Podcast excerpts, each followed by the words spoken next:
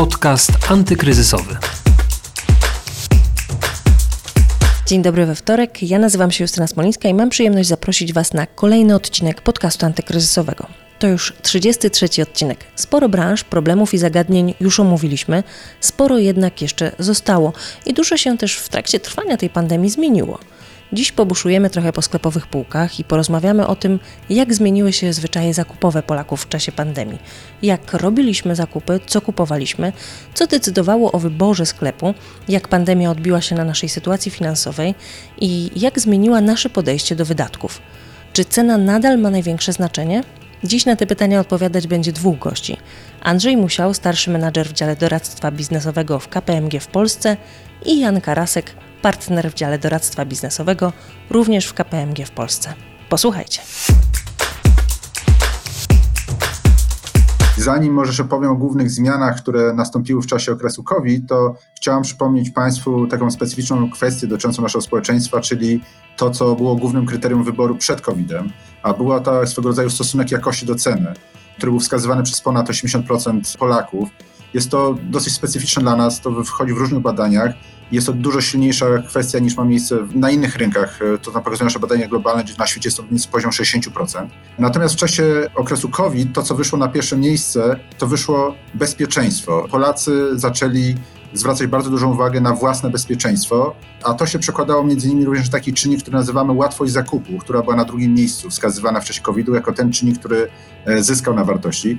Ta łatwość zakupu również była na drugim miejscu zaraz po cenie wskazywana przed COVID-em. Tutaj rozumiemy przez tą łatwość zakupu sytuację związaną z customer experience, czyli to, w jaki sposób e, usługodawcy czy, czy sprzedawcy ułatwiają klientowi dokonanie transakcji, w jaki sposób ta transakcja jest dla klienta płynna, nie jest kłopotliwa. Natomiast tu trzeba pamiętać również o tym, że w czasie COVID-u pojawiły się nowe elementy, które są charakterystyczne troszkę dla społeczeństw bardziej zamożnych, bardziej rozwiniętych, dlatego że jako czynniki, które są na miejscach od trzeciego do piątego, które nabrały na wartości w czasie COVID-u, są wskazywane takie elementy jak dbanie o lokalną społeczność, dbanie o środowisko, czy dbanie w końcu o pracowników danego sklepu, ich jakby e, stabilność e, zawodową. Warto to wskazać również, że po okresie COVID-u respondenci wskazują, że będą też zwracali uwagę na tę lokalność poprzez wybór polskich produktów, lokalnych marek. I tutaj te wskazania są dosyć wysokie, szczególnie dla produktów spożywczych, czyli e, szczególnie żywności. I tu, żeby sprawdzić, na ile te deklaracje są silne i na ile one są tylko deklaracjami, ile się przełożą na działania, staraliśmy się również dowiedzieć, czy ta preferencja lokalnych, polskich produktów będzie powiązana z gotowością zapłacenia wyższej ceny e, za te produkty w przyszłości. I odpowiedź była tak, ale to tak dotyczy nie całego asortymentu. E, to tak dotyczy głównie wybranych produktów z danej grupy asortymentowej, bo różnica jest bardzo duża. Jeżeli mówimy o całym asortymencie, jest to tylko 10% takich wskazań. I też jeszcze istotny bardzo element, tak, preferencja dla lokalnych produktów, ale ta różnica w cenie nie może być za duża. Ten dystans w stosunku do innych produktów nie może przekraczać 10%. Trochę już Pan wspomniał e, o tym, co wpływało na te nasze decyzje zakupowe, co było takim czynnikiem, który wyzwalał chęć tego zakupu, co było dla nas najistotniejsze w tym czasie. A jak się zmieniały te kwestie cenowe? Jak istotną rolę odgrywała cena? Czy, czy ta cena nadal wygrywa z lokalnością? Ta lokalność e, może wygrać, ale przy właściwej relacji cenowej. Natomiast e, też staraliśmy się zrozumieć, e, jakie są oczekiwania klientów, konsumentów w stosunku do sklepów w czasie tego okresu pandemii. I tutaj jest bardzo ciekawy element, dlatego że na pierwszym miejscu pojawiło się dobro i dbanie o pracowników, czyli właśnie o ich jakby stabilność zawodową i ich wynagrodzenia. To jest takim bardzo też pocieszającym elementem, że jesteśmy społeczeństwem, które się solidaryzuje w takich sytuacjach, ale rzeczywiście na drugim miejscu się pojawiły e, oczekiwania w stosunku do tego, żeby sprzedawcy zagwarantowali możliwość obniżenia kosztów zakupu czy wydatków ponoszonych. Nie mówimy tylko wyłącznie o cenach produktów, ale również o swego rodzaju usługach towarzyszących, na przykład takie jak bezpłatna dostawa czy zwrot, które też były wskazywane jako takie koszty towarzyszące zakupom. I te koszty może nie były na pierwszym miejscu, ale jak mówimy na przykład o kanale online'owym e, sprzedaży, to cena zakupu była drugim czynnikiem zaraz po wygodzie zakupu. Ale przez tą wygodę zakupu w tej sytuacji interpretowałbym bezpieczeństwo. Jak robiliśmy w takim razie te zakupy? Czy rzeczywiście, tak jak e, mówią niektórzy eksperci, zauważalny był taki silny boom na zakupy online, czy częściej kupowaliśmy online niż stacjonarnie? Czy rzadziej korzystaliśmy z gotówki, częściej płaciliśmy na przykład kartą w sklepach. Jak to wyglądało i czy ta tendencja się utrzymuje? Czy nadal jesteśmy tak chętni do tego, by robić zakupy online? I czy jesteśmy chętni, by dokonywać tych zakupów tam ciągle, również na przykład spożywczych? Podzielmy te kategorie zakupowe na spożywcze i pozaspożywcze, bo to jest kluczowe. Jak spojrzymy na zakupy pozaspożywcze, to one naturalnie przesunęły się w stronę online. Też w dużej części pewnie ograniczenia w czasie pandemii spowodowały to, że ta działalność handlowa w punktach stacjonarnych była siłą rzeczy ograniczona. Więc to, co zaobserwowaliśmy w przypadku zakupów pozaspożywczych, to ponad 70% respondentów deklarowało właśnie korzystanie ze stron internetowych, ponad 40 też deklarowało aplikację mobilną. I to, co widzimy, to z tego trendu, to, to o co Pani pytała, czy to się utrzyma, to widzimy wysoki poziom deklaracji, jeśli chodzi o korzystanie również po ustaniu pandemii z tych kanałów sprzedaży. Bardzo wysoki poziom w przypadku stron internetowych, bo to ponad 90% deklaracji, czy prawie 80% w przypadku aplikacji mobilnej. To, na co zwracamy uwagę, to to, że ta satysfakcja klientów z korzystania z tych kanałów no, pozostawia jeszcze trochę do życzenia, to znaczy te doświadczenia, które klienci mają w tych kanałach, to jest to, na czym prawdopodobnie sprzedawcy w najbliższym czasie powinni też się skupić, bo tutaj te deklaracje dotyczące poziomu satysfakcji to było około 30% w przypadku stron internetowych, czy 25% w przypadku aplikacji mobilnej. Pytała Pani o formy płatności. No, siłą rzeczy gotówka jakby tutaj trochę straciła na znaczeniu. Znaczy, zaobserwowaliśmy dość istotny spadek częstotliwości korzystania z gotówki, bo tu ponad 40% respondentów deklarowało takie zachowanie. Z drugiej strony naturalnie te formy bezgotówkowe zyskały na znaczeniu. W przypadku kart, czy to kart kredytowych, czy debetowych, to około 1 trzecia respondentów deklarowała częstsze korzystanie. Z takich ciekawostek pewnie też warto zwrócić uwagę na to, że prawie 1 czwarta respondentów zadeklarowała właśnie wzrost częstotliwości korzystania z tych tak zwanych cyfrowych portfeli, tak, czyli tych na przykład rozwiązań jak na przykład Apple Pay, tak, w których płacimy korzystając z telefonu. Kończąc, może znowu nawiążę do kategorii spożywczej. Tutaj ten e, odwrót w stronę kanałów online e, jest mniejszy. Też jakby w mniejszym stopniu te, te placówki były dotknięte tymi ograniczeniami. No i tutaj mamy dwie trzecie respondentów, którzy zadeklarowali, że tak naprawdę nie widzieli konieczności jakby zaprzestania korzystania ze sklepów stacjonarnych. Podsumowując, jak myślimy o migracji do online, to pewnie przede wszystkim e, patrzymy na te kategorie pozaspożywcze. Jeżeli już w takim razie wybieraliśmy te sklepy stacjonarne, to co decydowało o tym, że dany sklep wybieraliśmy jako ten sklep stacjonarny i co tam kupowaliśmy? Bo mówi Pan, że głównie były to produkty spożywcze, ale czy tylko? Sklepy stacjonarne pozostały w łasce, jeżeli tak możemy powiedzieć, głównie w przypadku asortymentu spożywczego, bo produkty pozaspożywcze taką deklarację zgłaszało tylko około 30% naszych respondentów, że nadal e, preferuje ten kanał. Natomiast tu tą analizę rzeczywiście trzeba zrobić po tych e, grupach asortymentowych. Jeżeli mówimy o dobrach spożywczych, które nadal były kupowane w sklepach spożywczych, to głównym czynnikiem decydującym o tym była jakby lokalizacja sklepu, czyli w jaki sposób klient do tego sklepu się może dotrzeć, na ile jest mu to łatwo te zakupy zrobić, to możemy trochę nawiązać do elementów, które miały już znaczenie przed pandemią, czyli prymatu sklepów formatu convenience, czyli właśnie ta łatwość zakupu, łatwość e, dokonywania tych transakcji została budowana w trakcie e, koronawirusa. Natomiast drugi element, który był wskazywany również dla produktów spożywczych, który odgrywał istotne znaczenie, to były elementy związane z możliwością obejrzenia tego produktu, dotknięcia go, zapoznania się z nim. Czyli tutaj należy przyjąć założenie, że to szczególnie istotne jest dla produktów w kategorii fresh, czyli owoców, warzyw, czy też, nie wiem, mięs, wędlin czy nabiału. Jednak ten kontakt z tym towarem, gwarancja, że wybieramy to, co chcemy, to nam się podoba, była bardzo istotna. I ten czynnik obejrzenia towaru na żywo, dotknięcia go, był również numer jeden, jeżeli chodzi o zakupy pozaspożywcze przy wyborze sklepów stacjonarnych, nie zakupów internetowych. Ta możliwość właśnie przymierzenia w tym przypadku towaru, czy dotknięcia, zobaczenia jak wygląda struktura materiału, który kupujemy, to to jest właśnie bardzo istotny czynnik dla osób, które kupują towary pozaspożywcze. Czynniki cenowe dopiero się plasowały na kolejnych miejscach, poza tym, o których wcześniej wspomniałem. Tu też warto wspomnieć o elemencie charakterystycznym, że te czynniki preferencje co do kanałów zakupu online, offline różniły się między płcią I, i widzimy, że kobiety były bardziej restrykcyjne, jeżeli chodzi o kanał stacjonarny. Więcej, blisko 60% kobiet wskazywało, że unika sklepów stacjonarnych.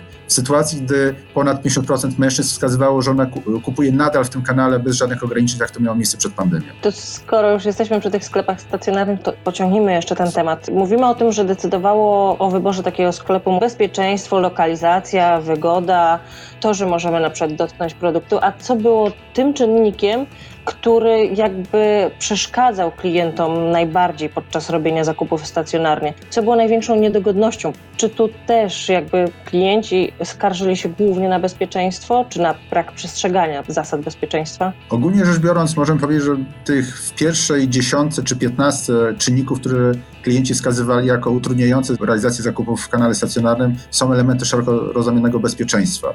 I na pierwszym miejscu pojawia się dosyć ciekawe spostrzeżenie, że najbardziej obawiamy się innych kupujących, obawiamy się najbardziej innych klientów. To właśnie niebezpieczeństwo stwarzane przez innych klientów było wskazywane z największym naciskiem. Co ciekawe, to niebezpieczeństwo wywołane właśnie przez osoby miało dwukrotnie większe liczbę wskazań niż na przykład niebezpieczeństwo związane z obsługą sklepową, z pracownikami sklepów. Tutaj to, ten element był wskazywany jako bardzo, bardzo istotny.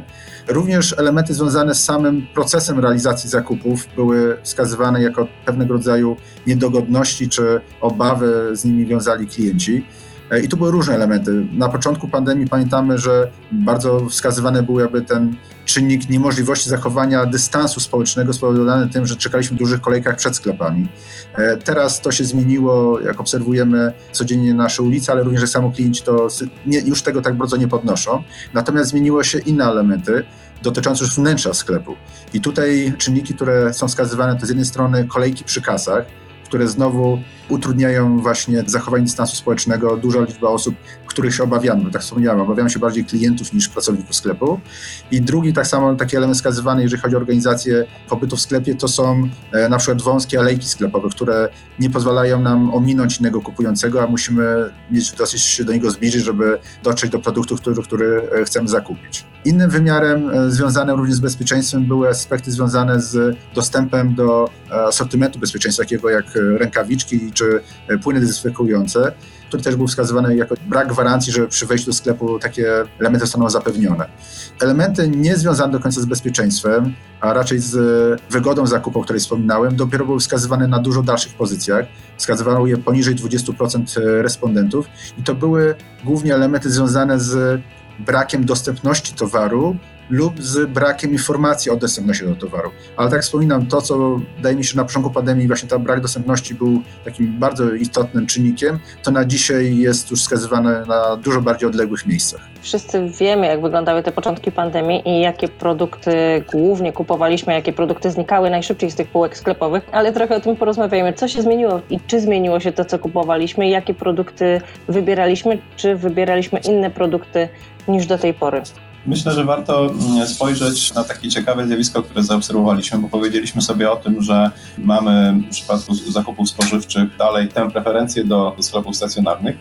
No niemniej jednak, jak spojrzeliśmy na to od strony, y, jakie zakupy, które kategorie asortymentowe nowe w online się pojawiły, to właśnie spożywcze, czy leki, czy wyroby medyczne, to były te, które się pojawiły jako te najczęściej występujące jako nowe produkty w kanale online. Także widzimy też to, że, że ten kanał online jest w mniejszym stopniu, ta migracja następuje do spożywczych, to jeśli spojrzymy na całość y, tutaj zakupów realizowanych przez konsumentów, to te kategorie tam jako te nowe kategorie się pojawiły. Jeśli spojrzymy sobie na zmiany częstotliwości, tak, czyli mówimy o tym, że już kupowaliśmy w online, ale teraz na przykład kupujemy częściej czy rzadziej, to rzeczywiście też te zakupy spożywcze tutaj były najczęściej wskazywane jako te, które kupujemy częściej, kupowaliśmy częściej w, w czasie pandemii i to jest ponad 20% respondentów.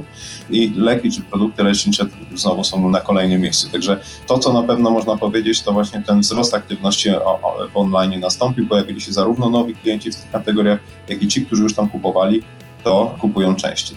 Jeśli spojrzymy z drugiej strony na te kategorie, które w mniejszym stopniu były kupowane, no trochę to będzie korespondowało z takim spojrzeniem do jak gospodarstwa domowe podchodzą generalnie do wydatków, bo trzeba sobie tutaj zdać sprawę z tego, że wpływ na budżety gospodarstw domowych tutaj pandemii spowodował to, że ta e, skłonność do ponoszenia przykład większych wydatków została ograniczona. No i to też znajduje swoje odzwierciedlenie pewnie w zmianie częstotliwości przykład zakupów online'owych, bo takie kategorie jak meble czy elektronika czy jeśli pójdziemy dalej, biżuteria, zegarki, no były kategorie wskazywane jako te, w których ta częstotliwość zakupów online'owych się zmniejszyła. To na ile ta nasza sytuacja materialna się pogorszyła?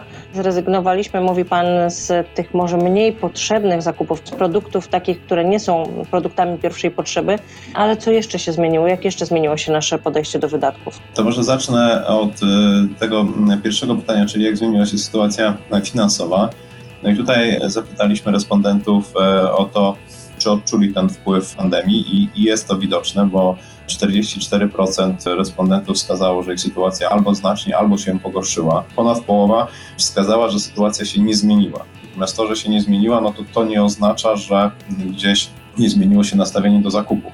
Natomiast jeżeli tu mówimy o konsekwencjach tych odczuć e, sytuacji finansowej, no, którą odczuwają gospodarstwa domowe na ich jakby zwyczaje zakupowe, na ich jakby sposób realizacji zakupów, to widzimy dosyć silny wpływ właśnie tych czynników finansowych, dlatego że tylko 25% respondentów wskazało, że realizuje zakupy w czasie pandemii w sposób niezmieniony w stosunku do tego, co było przed pandemią.